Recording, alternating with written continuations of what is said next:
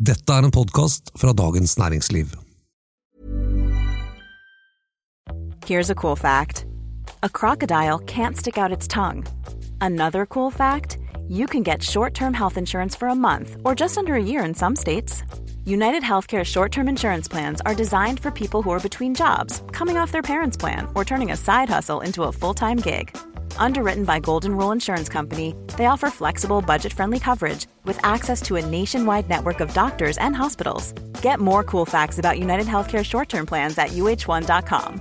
Even on a budget, quality is non-negotiable. That's why Quince is the place to score high-end essentials at 50 to 80% less than similar brands. Get your hands on buttery soft cashmere sweaters from just 60 bucks, Italian leather jackets, and so much more. And the best part about Quince, they exclusively partner with factories committed to safe, ethical, and responsible manufacturing. Elevate your style without the elevated price tag with Quince. Go to quince.com slash upgrade for free shipping and 365-day returns. There's never been a faster or easier way to start your weight loss journey than with PlushCare. PlushCare accepts most insurance plans and gives you online access to board-certified physicians who can prescribe FDA-approved weight loss medications like Wigovi and Zepbound for those who qualify. Take charge of your health and speak with a board-certified physician about a weight loss plan that's right for you. Get started today at plushcare.com slash weight loss. That's plushcare.com slash weight loss. plushcare.com slash weight loss. Hva skal du med politiske fiender når du har statssekretær Vegard Harsvik på laget? Og atomtrusselen får verden til å skjelve. Dette er den politiske situasjonen. En podkast om politikk fra Dagens Næringsliv med politisk redaktør Fridtjof Jacobsen og meg, kommentator Eva Grinde.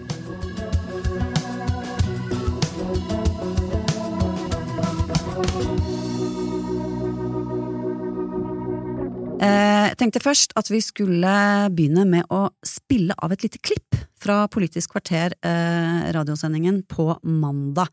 Det er litt eh, hjemmesnekret her, med mobilen foran studiomikrofonen, men here we go. Nå skal vi prøve. Så beklager jeg jo til eh, Asheim at det ikke er min sjef, statsministeren, som sitter her i, her i dag. Eh, ellers lamslått av å få lov til å sitte i samme rom som selveste Henrik Asheim. Eh, noen ville kanskje brukt ord om pompøs, eh, om en sånn eh, kritikk av at eh, man ikke hele tiden får møte statsråder, men eh, jeg vil ikke bruke de ordene eh, som, som det heter. Men Ja, Ja, dette var, dette var altså statssekretær Vegard Harsvik fra Arbeiderpartiet, som er ved statsministerens kontor, i, i Politisk kvarter på NRK. Ja. og, og hva, hvorfor, eh, og hva i all verden eh, forårsaket denne, dette utsagnet? Hva er dette for noe? Ja, nå er jeg, jeg har nesten glemt hva de egentlig skulle diskutere.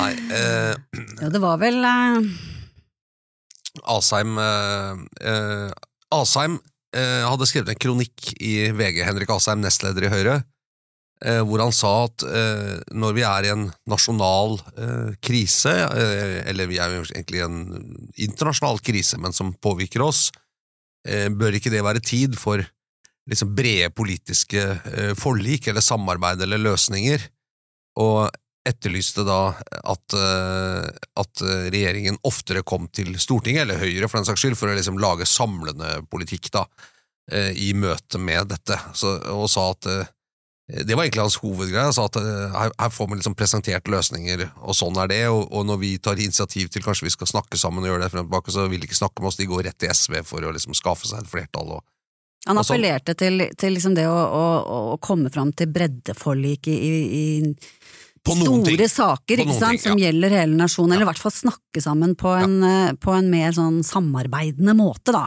Ja, det, og det er jo en sånn ting som Et eksempel på det kan jo være når regjeringen da gjorde om på oljeskattordningen, i hvert fall i sitt forslag til budsjett, så var jo det Oljeskattepakka var jo, sant, det var jo noe som mange partier gikk sammen om, for at den skulle være nettopp bredt forankret politisk, så da gikk jo regjeringen var veldig opptatt skikkelig av å skaffe dårlig vedtak, eh, bredt politisk forankret. ja, ja men, men vet at Høyre, Høyre altså Erna Solbergs regjering var opptatt av i noen saker så at her er det viktig for oss på en måte å ikke bare få flertall med Fremskrittspartiet, men, men med ganske brede ting. Så var SV og Rødt og sånn, var ikke alltid de var med, eller MDG og sånn, men rett og slett sakene av den karakteren. Så, så anklaget Asheim da regjeringen for å ikke aldri ta initiativ til det, og så slang han på litt sånn spydig. Han sa at og, vi ser liksom lite til dem, og det er i likhet med tror jeg, mange i befolkningen, så når man liksom ønsker å få se regjeringen, så får man heller en statssekretær, for de sender alltid en statssekretær Ja. istedenfor å komme med statsrådene. Og da var det, Det var litt spydig, da. Ja, ja, ikke sant. Um, og så er det et poeng i det òg, ikke sant. Altså, Mm. Han prøvde vel å si at eh, regjeringen på en måte gjemmer seg når det gjelder de store og vanskelige spørsmålene. Han ønsket dem mer på banen, da. Og det, han er jo ikke alene om å ha etterlyst uh, mer, eh, mer regjering og en tydelig regjering på banen. Men det som skjedde, var jo at Vegard Harsvik tok dette veldig i låp. Kan det virke som? Ja, eller og eller demonstrerte en slags eh, naturlig arroganse. Ja, han er, jo han er jo ikke så veldig opprørt, tror jeg, hvis vi skal høre på Nå nå er vi litt inne det, men, men det var jo eh, Jeg tror ikke han var helt uforberedt på en måte på, en måte på det litt polemiske sleivsparket, og så var det, ble det også gjort et lite poeng med å si at uh, regjeringen har sendt en statssekretær for å møte deg, Henrik Asheim. Ikke sant? Det var en lite sånn ting. Så det var jo en litt artig situasjon, og, og det kan jo hende at Harsvik tenkte at jeg skal svare på dette med et litt sånn derre litt artig grep, ikke sant, og si at liksom eh, eh, jeg beklager liksom at bare jeg som en ussel statssekretær Ja, ja, ja. kommer til liksom nestlederen i Høyre, jeg skjønner jo at det er mye morsommere å møte altså, man, Du hører det liksom litt det men, Ja, men det er men noe med leveringen. frem, leveringen her, ja, som er bare det, det, den, det blir veldig arrogant, da. Ja, og det er og det høres hvorfor- veldig nedlatende ut. Ja. Ikke sant? For det er interessant, hvorfor blir den det? For det, eh, alle de, eh, som du sier, de ordene der kunne vært brukt, og det kunne vært eh, morsomt og light, og de kunne ha ledd sammen av det og sånn, men det er et eller annet alvor under der. Som, som gjør at den, eh, den kommer ikke over på den måten. Og du, dette fikk jo deg til å skrive en eh, kommentar, en ganske eh, krass og, og klar eh, kommentar, eh, Fridtjof Wahr. Du mener at det er et, et symbol på dette her, eller et symptom på? Nei, altså, i, i seg selv, og det, og det sånn, skulle man bare snakket om liksom, uh, Harsvik sa en del annet, en grei politisk debatt etterpå der òg, men var, så hadde vi jo havnet i litt sånn, uh, føler det handlet den her podcasten til Tore Sagen og Harald Eia, som er veldig morsom, men hvor man liksom dissekerer folks tonefall og ordvalg, ikke sant, de har jo holdt på med den partipressa podcasten, er veldig, veldig artig å høre på det, men, men det var ikke poenget, men, jeg, men det, det slo meg etterpå at jeg tenkte at det er, er noe som kjennetegner denne regjeringen, så er det jo nettopp at de har et slags sånn ofte fremstår med en form for litt sånn innbitt alvor og en litt sånn frustrasjon over at folk liksom ikke forstår, eller at ikke de Eller at åh, må vi virkelig forklare dere dette? Altså skjønner du at det er sånn Vi har veldig mye å gjøre, vi er veldig slitne. Jeg så et intervju med Støre om ett år som sagt Jeg vil ikke si at det har vært gøy. Han snakket mye liksom, om hvor tungt det hadde vært, og hvor slitsomt det Og jeg tror alle forstår at dette er en veldig krevende situasjon, eh, men det er noe med sånn eh, skal man si at det er noe sånn bistert eh, og noe veldig sånn innbitt alvorlig over den regjeringen. og veldig sånn det er, det er, Jeg tror ikke sånn folk forbinder med det er akkurat som det er sånn Altså, De underspiller ikke akkurat alvoret i situasjonen, for å si det på den måten. Nei, altså, øh, men samtidig så tenker jeg så har jo det også vært etterlyst, da. En regjering som tar liksom situasjonen på alvor og viser at dette, nå tar vi tak, ikke sant. At eh, vi står i en krise og vi er det rette mannskapet til å ta tak i det og så videre. Og så, og så gjør de det, og da blir de bistre og altfor alvorlige. det, er- ikke lett. Ja, Det er ikke noe gøy å være regjering. Nei, men det, er, det er en sammensatt kritikk, og samtidig så er det jo, så er det jo sånn at vi, som skal prøve å forstå og kommentere politikk og fenomener, vi må jo, vi må jo ta utgangspunkt også i, i noen sånne klare indikasjoner, når vi ser for eksempel på meningsmålinger, at denne regjeringen, eh, i hvert fall på, og det, det er ikke liksom én, det er et serie meningsmålinger som viser at den tydeligvis er lite populær, statsministermålingene for Jonas Gahr Støre viser at han er lite populær, og meningsmålinger er ikke valg, man skal ikke si det, men de gir jo, jeg tror de gir et uttrykk for et slags sånn, hva man skal kalle et sentiment, eller en stemning i befolkningen. Og da er det jo litt sånn å prøve å forstå eh, Ja, ok, hva kan det skyldes? Eh, og det, det jeg skal innrømme at vi som politiske kommentatorer eh, i hvert fall i vår generasjon, da, vi tror vel ikke at vi har alle svarene på alt, men vi må jo av og til prøve å komme med noen hypoteser eller teorier på hvorfor det er sånn, og jeg jeg tror en av de tingene er, det er en blanding her er at hvis en regjering sier at noe er veldig alvorlig, en veldig alvorlig situasjon, uh, og det tror jeg de har rett i, så må de også vise det ved at veldig alvorlige kriser for et samfunn, det, det logiske da er at samfunnets øverste ledere kommuniserer ganske løpende med befolkningen. Hvis du skal se litt rundt sånn rundt deg nå, så hva er det som kjennetegner en del ledere nå for tiden? Jo, de kommuniserer veldig ofte med befolkningen. Ja, ikke sant? Eh, Zelenskyj han er midt i en krig, eh, eh, og i presidenten i Ukraina, hva er det han bruker nesten mest tid på? Jo, det er å være på lufta hele tiden, ikke sant? Ja, Har sikkert masse annet å gjøre òg, hvis du skjønner, men og der er ikke vi, men det er bare et tegn på at kommunikasjon med befolkningen er helt essensielt Ja. i en krisesituasjon. Ja, det er jeg enig. Og da ville jeg brukt alle muligheter fra de øverste til å på en måte være på. Og så må man gjøre det bra også. Altså, det er ikke noe, å være mye på betyr ikke at man nødvendigvis blir populær eller gjør det bra, men man kan liksom ikke bli populær og anerkjent hvis ikke man viser seg fram, tror jeg. Det som er litt overraskende, er jo at en, en statssekretær fra statsministerens kontor i en regjering som sliter såpass mye, eh, på en måte tillater seg å, å, å renne over med den type sånn arroganse. Altså det han gir uttrykk for, er litt sånn Unnskyld meg, men vi har litt viktigere ting å drive med, liksom, enn å møte deg, Henrik Asheim, med våre statsråder. Det var jo omtrent, ikke sant? Det var, Ja. var noe sånt han sa, og, det, og det, det blir så lite musikalsk, da, når du vet, eh, når du vet på en måte hvilken situasjon den regjeringen eh, befinner seg i, sånn eh, oppslutningsmessig, og da selvfølgelig med de krisene som de skal håndtere. Så jeg, jeg syns også at det Altså det har vært, vi har jo snakket om det før, eh, partikulturen i Arbeiderpartiet, og kanskje sammenlignet det også med partikulturen i Høyre, ikke sant, og disse to ulike podkastene. Nå er jo partipressa gått inn, så vidt jeg har skjønt, og de har slettet alle episodene også. Jeg Ble visst spurt om eh, altså den podkasten som ble gitt ut av eh, Arbeiderpartiet, eh, som fikk mye kritikk. Mm. Um, Avpublisert, heter det i Aftenposten. Eh, Ja, hva sa jeg? ting. Nei, det er slettet, men det, Ja. det var bare, det var en liten kommentar til Ja. den andre saken som durer litt med denne vanvittige historien fra London Pub med avpublisering. Men det er Ja, sånn, ja, ja, avpublisering, ja. ja. Ja, den er avpublisert, og da, da, da De fikk noen spørsmål om det, de som, eh, de som er vertskap i den, de, vert, de som har- den podkasten, men da var det liksom nei, det var bare tilfeldig, eller et eller annet sånt, og de skulle tilbake igjen, og det er bare fordi de har så mye å gjøre og sånt, men vet ikke. Eh, Men, men det som man har sett med liksom sammenligne de to eh, Altså måten å snakke med hverandre på, måten å snakke om politikk på, om andre og politiske motstandere på, det er så veldig forskjellig i de to podkastene i henholdsvis Arbeiderpartiet og Høyre. Og eh, jeg syns liksom jeg hørte noe av den der litt sånn ovenfra ned-tonen som jo partipressa ble kritisert for, litt rann igjen, da, i, i måten å snakke på, i, i det lille klippet vi hørte. Det, det var noe nedlatende der, i hvert fall. Men, Ja. De kan Men- ikke tillate, altså de kan ikke ha for mye, de bør ikke ha for mye av det. men fortsatt er det jo sånn, Politisk kvarter høres jo av ganske mange, men det er ikke det er fortsatt et ganske nisjete program. Ja, det er sånt som eh, oss på og P2. sånn. Ja, eh, eh, så, jeg tror ikke man finner helt forklaringen heller på de dårlige målingene. Nei, Der, men det er altså- et symbol altså Det tenker jeg mer at da er det, det er mer som et symptom på noe som Ja. plager partiet Ja. i stort. Eh, og som får uttrykk på mange plan, men mer, mer at det samme eh, At det kommer fra samme sted, da. Eh, de tingene som har vært kritisert i den podkasten, og for eksempel sånne måter å uttale seg på.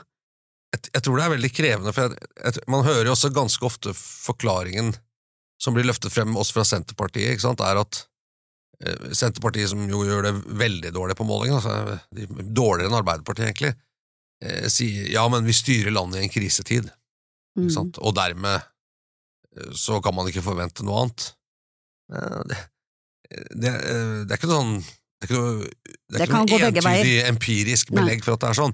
Det kan like men, gå omvendt, det. men det jeg tror er, virker som at det kanskje en del av sånn selvforståelsen her, er at sant, både arbeid, Regjeringen er i en slags oppslutningskrise, eh, som de nok kjenner på men de må samtidig håndtere en, en, måte en, reell krisesituasjon der de har veldig krevende utfordringer, selv om altså, det er- jo fortsatt en del ting. Vi, har en krevende strømprissituasjon, vi, eh, men vi har liksom ikke De har nok større problemer med liksom mulig energimangel og skru av varmen og sånn i, i europeiske land enn det vi har per nå, da.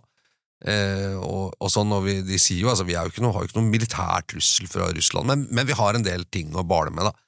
Eh, og så er jo på en måte fletter i disse krisene litt sammen, slik at liksom landets krise, eller den liksom kriseaktige situasjonen, fremstilles nå som årsak til regjeringens eh, på en måte kri oppslutningskrise. Det er jo ikke noe intern krise i regjeringen, det er jo veldig lite sånn internt bråk, det må jeg si. Det er ikke, det er ikke Storbritannia her, ikke sant? nei, det, Eh, Men, Eh, Men jeg er litt sånn usikker på det, og så, og så er det nærmest og jeg kan jo skjønne at det må jo oppfattes Jeg sånn, jeg har aldri jobba så mye, jeg syns aldri jeg har gjort så mange viktige ting. Vi håndterer ganske mange viktige ting, og vi, en del av det håndteres nok ganske sånn stødig og bra også. Og det vi får igjen, er liksom bare kritikk, kritikk, kritikk. Og så får vi beskjed om at du skulle vært mer på TV. Jeg har jo masse annet, altså, Og så tror jeg blir det en slags eh, Og ikke vær så sur. Ja, ikke sant? Det blir jo ikke noe det, er- det, det, Jeg kan tenke meg, du har, du har veldig mye å gjøre, i tillegg så får du på en måte ikke noe energi av at du får noe anerkjennelse for det du syns du får til. Nei. Og da, da, kan jo, da kan man jo forstå hvorfor det kan bli litt bistert innimellom.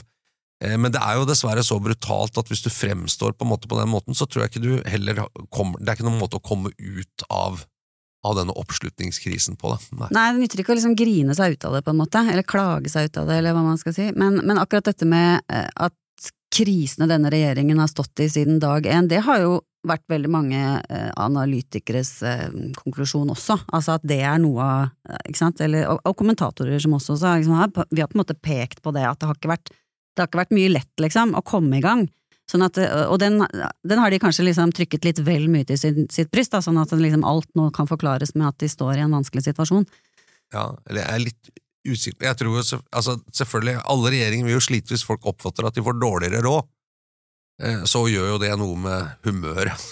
Ja, ja. Eh, og, og hvis vi er der, nå, har man jo ikke, nå begynner man å se litt sånn tilløp til eh, lavere forbruk og boligpriser og marked som begynner å stå litt stille og sånn, men en lang stund så var det ikke så veldig mye tegn til at nordmenn hadde spent så mye inn på livreima, og de fortsatte å eh, mye utenlandsreiser og mye utenlandsferiering som skulle tas igjen etter pandemien. ja, ja.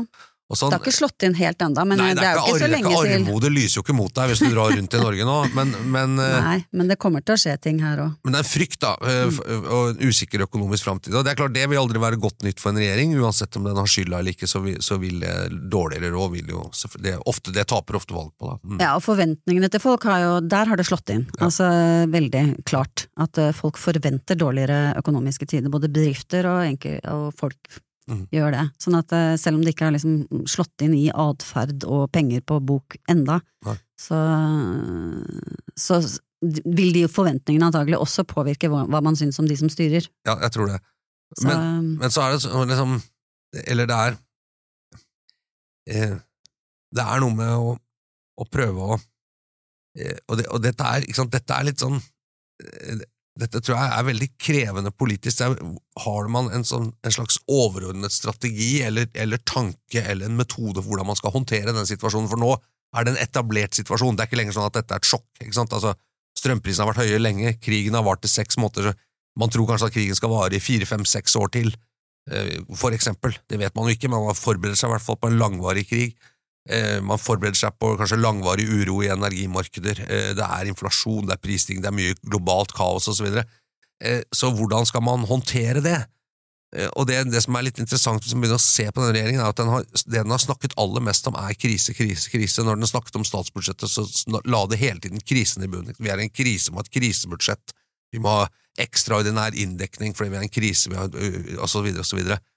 Og så er det et spørsmål om det, om kanskje kommunikasjonen på det blir litt At den blir litt eh, litt smal, eller litt sånn bister. I dag- så var justisminister Emilie Enger Mehl, forsvarsminister Bjørn Arild Gram eh, og statsminister Jonas Gahr Støre i den marmorhallen som alle nok husker fra, fra alle pandemipressekonferansene i, i Oslo sentrum. Nei, men jeg bare skyte inn, for det er jo litt gøy, da. For Ja. noe av det som, eh, som du skrev i den kommentaren din også, var jo nettopp det at eh, hva gjør regjeringen når de får kritikk? Jo, de sender statssekretærer, ikke sant? Ja. Og det var jo noe av gjenta, i og for seg det poenget fra, fra Politisk kvarter, da. Men, eh, men det tok jo ikke lang tid, da. Så hadde de tre statsråder klare. Nei, nei, og, og, kanskje ikke helt unaturlig, og de, og, de, eh, og de snakket om da, ikke sant, justis, forsvar, statsminister Du tar det til din inntekt, regner jeg med? Nei, nei, jeg gjør ikke det, men, men det, var, det, var, det var litt morsomt, for uh, hvis jeg skal dele litt sånn bakromsanekdote Ja, det er da, det du skal, vet da jeg kom dit, så For det første tenkte jeg jeg fikk varsel om det i går, så, så husker jeg snakket med deg og noen andre kolleger som sa at eh, vi har egentlig morgenmøte klokken ni om morgenen, eh, men da sa jeg at jeg er nok nødt til å gå dit og vise at jeg kommer dit, etter at jeg skrev den kommentaren hvor jeg anklaget dem for å være litt lite synlig, altså, og det fikk jeg tilslutning til eh, i gruppa, da, at jeg burde nok vise ansiktet mitt der. Absolutt. Og da jeg kom, så var det en statssekretær, statssekretær faktisk, ved statsministerens kontor, ikke Vegard Arsvik, altså, Mhm. som jeg hadde satt meg ned, så sa han ja, du kom ja, og så sa jeg ja, selvfølgelig kom jeg, jeg, jeg måtte jo det. Ja, vi har holdt av plass til deg helt på første rad, sånn at du kan faktisk se hvem som sitter der oppe, sa han. At det er statsråder, og da måtte lo vi litt av det. Ja.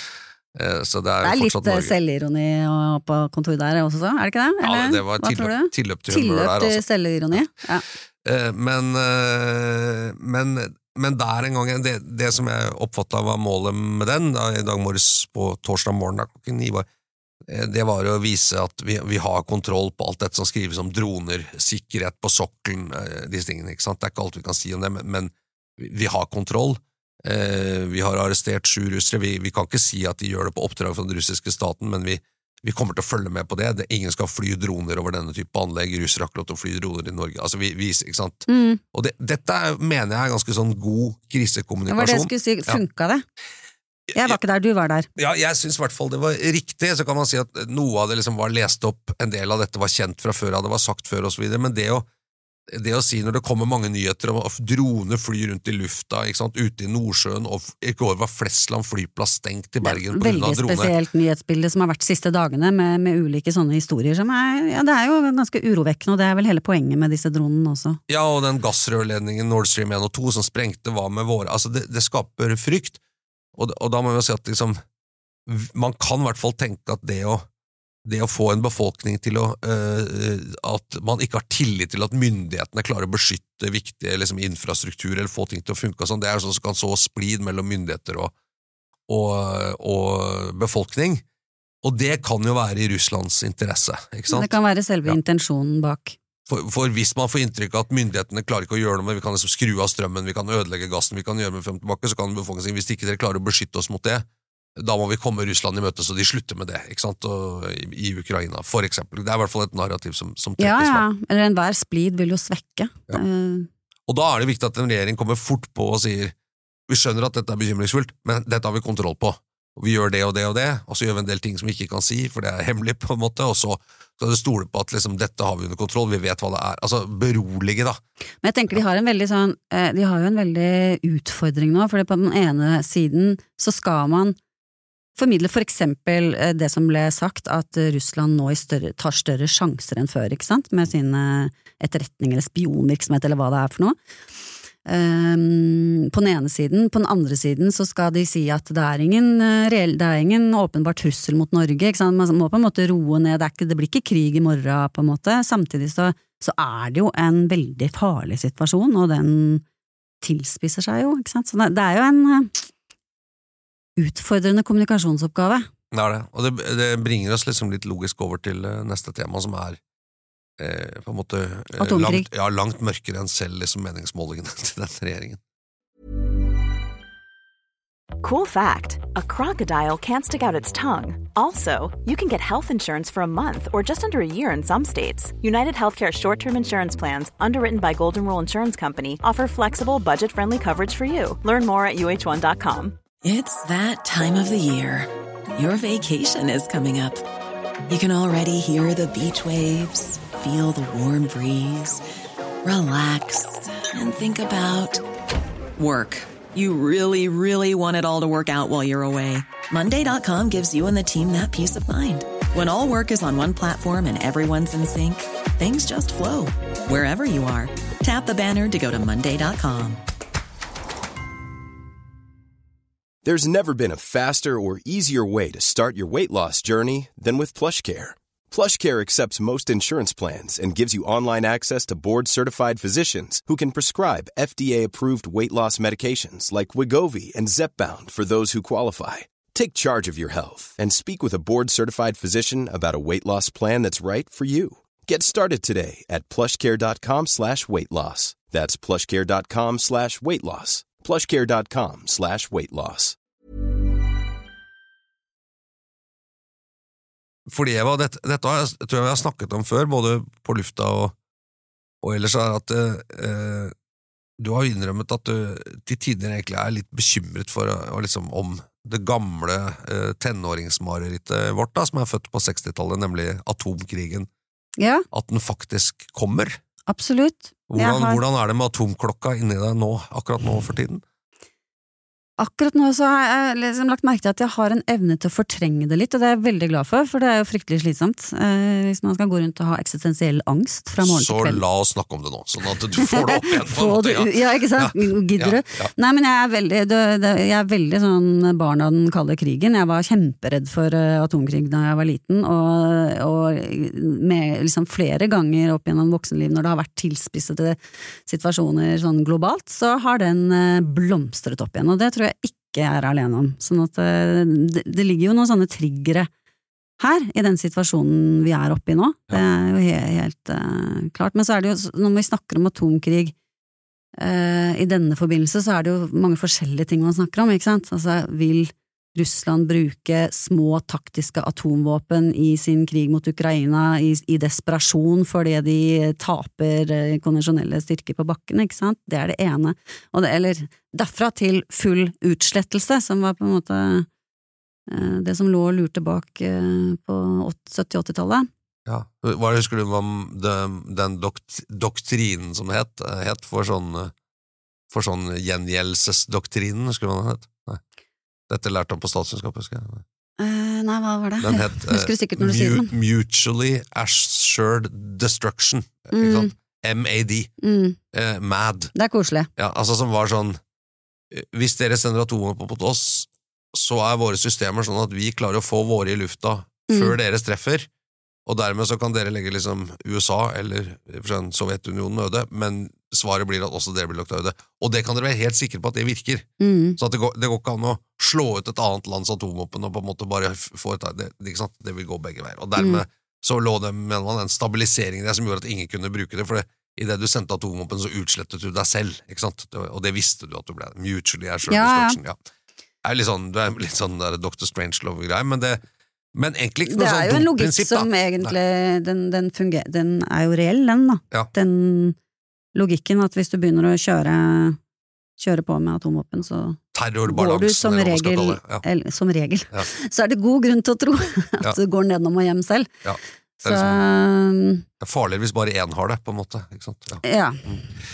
Eh, Og men- hvordan men, det ser ut nå, ikke sant? for nå er det jo en, en sånn eh, kjeltringstat versus resten av verden, mer enn to supermark supermakter. Ja, tror, Putin vil vel gjerne se på seg selv som en supermakt, men eh, ja. En stormakt, i hvert fall. stormakt, ja. Eh, jo, og så, og så merker jeg at det som er litt sånn å utvikle her, er at sant, bare snakk om kjernevåpen, så kommer jo bildet av, liksom, i hvert fall for oss da, som levde litt i den alderen, det handler jo om liksom at hele USA og hele Sovjet, mm. Russland bare er ferdig, ikke sant, at jorda blir utslettet. Det blir Mad Max, liksom. Men, eh, men i denne graden så er det jo mer snakk om et, dere kaller det, taktisk atomvåpen, det er, det er veldig sånn militært uttrykk, men men at man bruker en, en slags granat eller et missil eller sånn, med en begrensa sprengkraft, eh, men som allikevel er et kjernevåpen, og som dermed man sier at Egentlig kan man si at det er, er det forskjell på å sende liksom 100 granater med masse sprengstoff i snuten som lager en kjempestor eksplosjon på likt, eller sende ett våpen som lager den samme eksplosjonen, men ja, det er det når det er et kjernevåpen, selv om sprengkraften er liten, ikke sant? Ja. Ja, for det er det som, som er altså, interessant, da, hvis man kan bruke et sånt ord, det er jo dette tabuet som er knytta til bruk av atomvåpen. Ikke sant? Sånn at eh, som du sier, da, å bruke ett taktisk atomvåpen eh, i stedet for 100 eh, konvensjonelle som ville gi samme sprengkraft, ville liksom ha en helt annen eh, ja, hva skal vi kalle det, geopolitisk eller militær effekt, da. Det, altså, det ville være mye mer det ville kreve mye mer av Nato. Hvordan skal Nato reagere på det? Ja, for det, det, det, dette, er jo, dette er litt absurd. Vi, vi, hvis man hadde for eksempel tatt en by som eh, ja, La oss si eh, en middelstor ukrainsk by, da. Ikke, ikke Kiev, kanskje, men en middelstor ukrainsk by. Melitopol eller en av de byene. Og som har sagt vi jevner den med jorden, med sprengstoff. Det gjorde man i Syria, ikke sant? Homs og Aleppo og sånn ble liksom jevnet med jorden, og russerne var med på det, med vanlig konvensjonell sprengstoff. Så bare jevner vi hele byen med jorden. Altså, vi utsletter den, på en måte. Så det ser ut som Berlin i 1945, eller Dresden, eller noe sånt. Eh, det ville på en måte vært sånn, ja, det er en del av krigen, det, det ville ikke vært en game changer, men vi setter av en liten landing som er Det er kjernevåpen, det. da er alt forandret. Ja. Det er jo på en måte litt sånn rart, men ok, der er vi. Og samtidig så forst Fordi altså, det, det, det, er, det er liksom sånn Det er kanskje litt sånn logikken med å begynne med, begynne med hasj og bli heroinmisbruker. Altså, du vet at liksom Du har så Enden av det uh, arsenalet av, arsenalet av våpen er så svært. Ikke sant? Ikke sant? Sånn at Ja. det, er, det er det å åpne den døra der. Ja. Eh, og og um, derfor så tror jo er det all grunn til å tro at det snakkes veldig mye på bakrommene eh, med de rette personene, eh, mellom de rette personene i Nato, om hvordan er det riktig å reagere. Og jeg tror også at veldig mye gjøres nå for å si fra til Putin at det kommer til også å få en så kraftig reaksjon at det må dere bare ikke gjøre. Og det, det, det ene som jeg syns er skummelt, er at tror, fordi det er blitt snakket så mye om, og, og så tror jeg man, Enn så lenge så er det ikke noe tegn på eh, at liksom det er flyttet våpen, eller, men, men altså, det kan skje eh, Ekspertene sier at det kan skje ganske fort. Det, det er ikke noe sånn som det å forberede til et sånn strategisk det, angrep, det, det, da vil man kanskje se noen ting, flytting av ting, og litt sånn at det blir en aktivitet som bygger opp mot et større kjernefysisk angrep, men, men akkurat det å liksom sette av en, et lite taktisk atomvåpen kan skje veldig raskt. Ikke så, det er ikke så mye varslingstid, som det heter. Eh, og så prøver man jo, her er man jo interessant sånn internasjonal politikk, synes jeg, hvor man prøver å si til Putin at hvis du gjør det, så vil det ha enorme konsekvenser for deg. Eh, Og det som trekkes frem nå, uten at amerikanerne sier det direkte, er å si at det mest sannsynlig vil være et massivt liksom, gjengjeldelsesangrep mot russiske styrker i Ukraina, eller på ukrainsk territorium, kanskje inkludert Krim, med konvensjonelle våpen.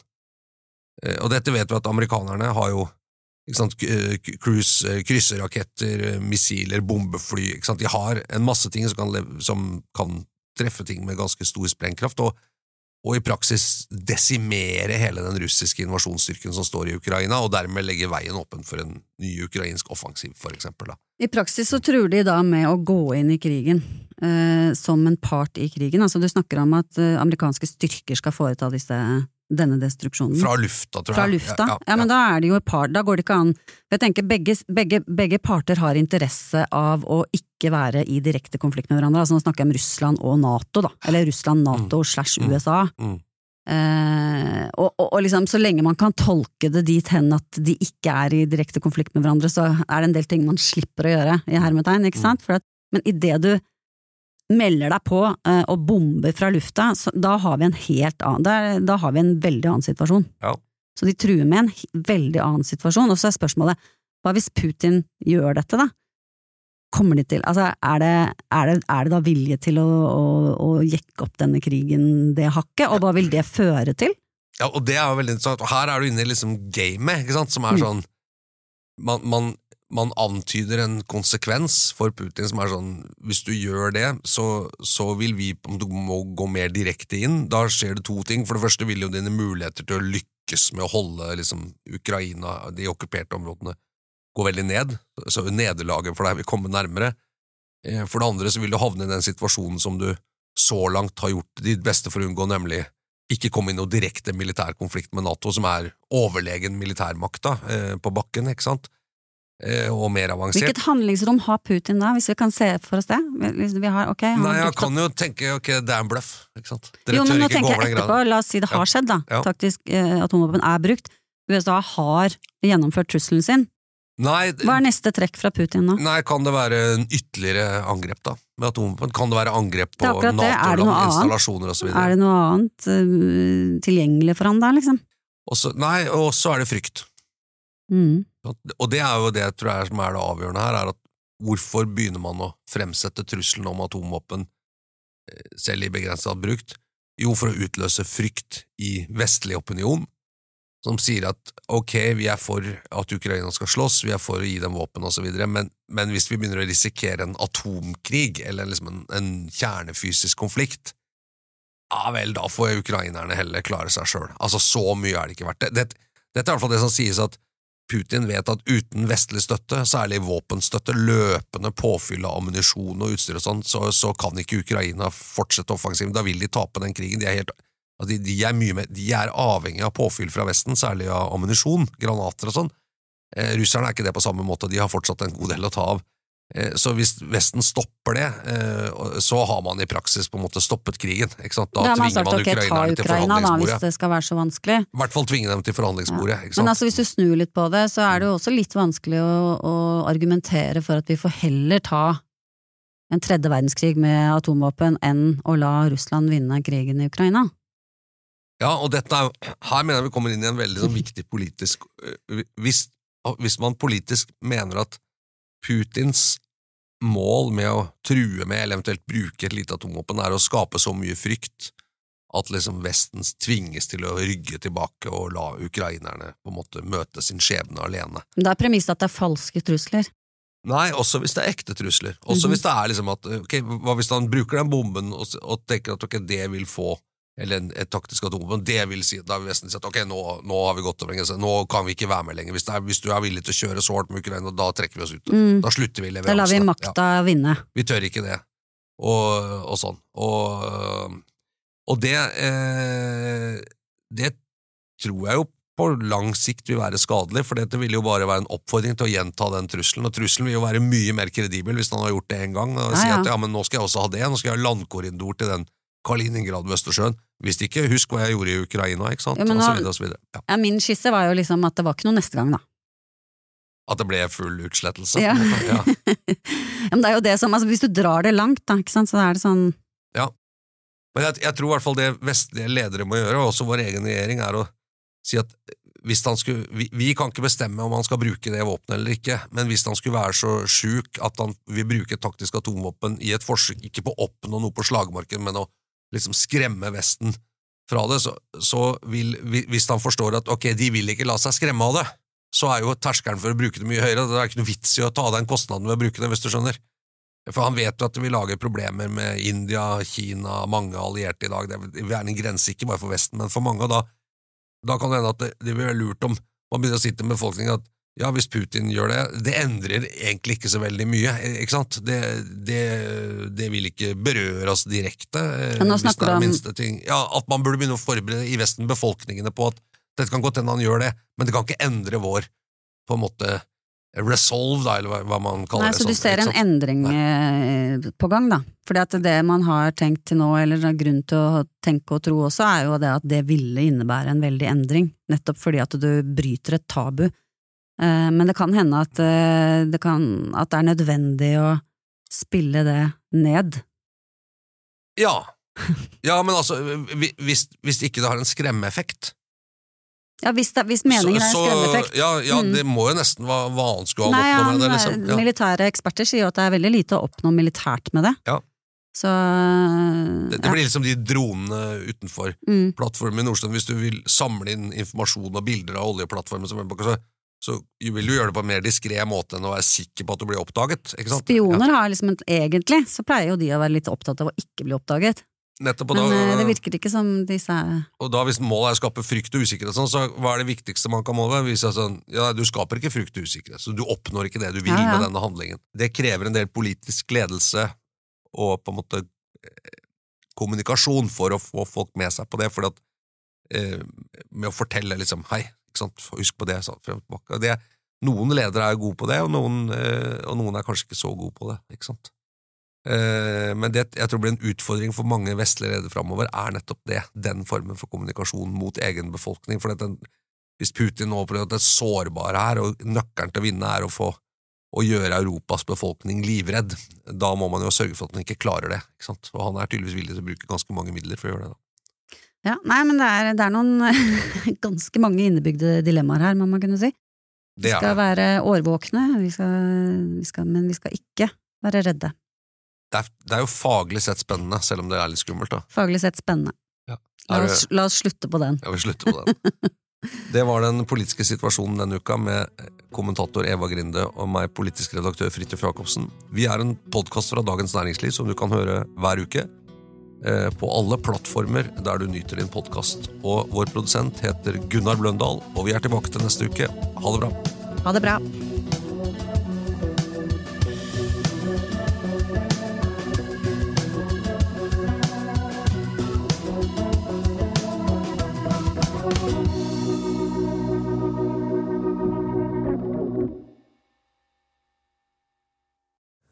Du har nå hørt en podkast fra Dagens Næringsliv.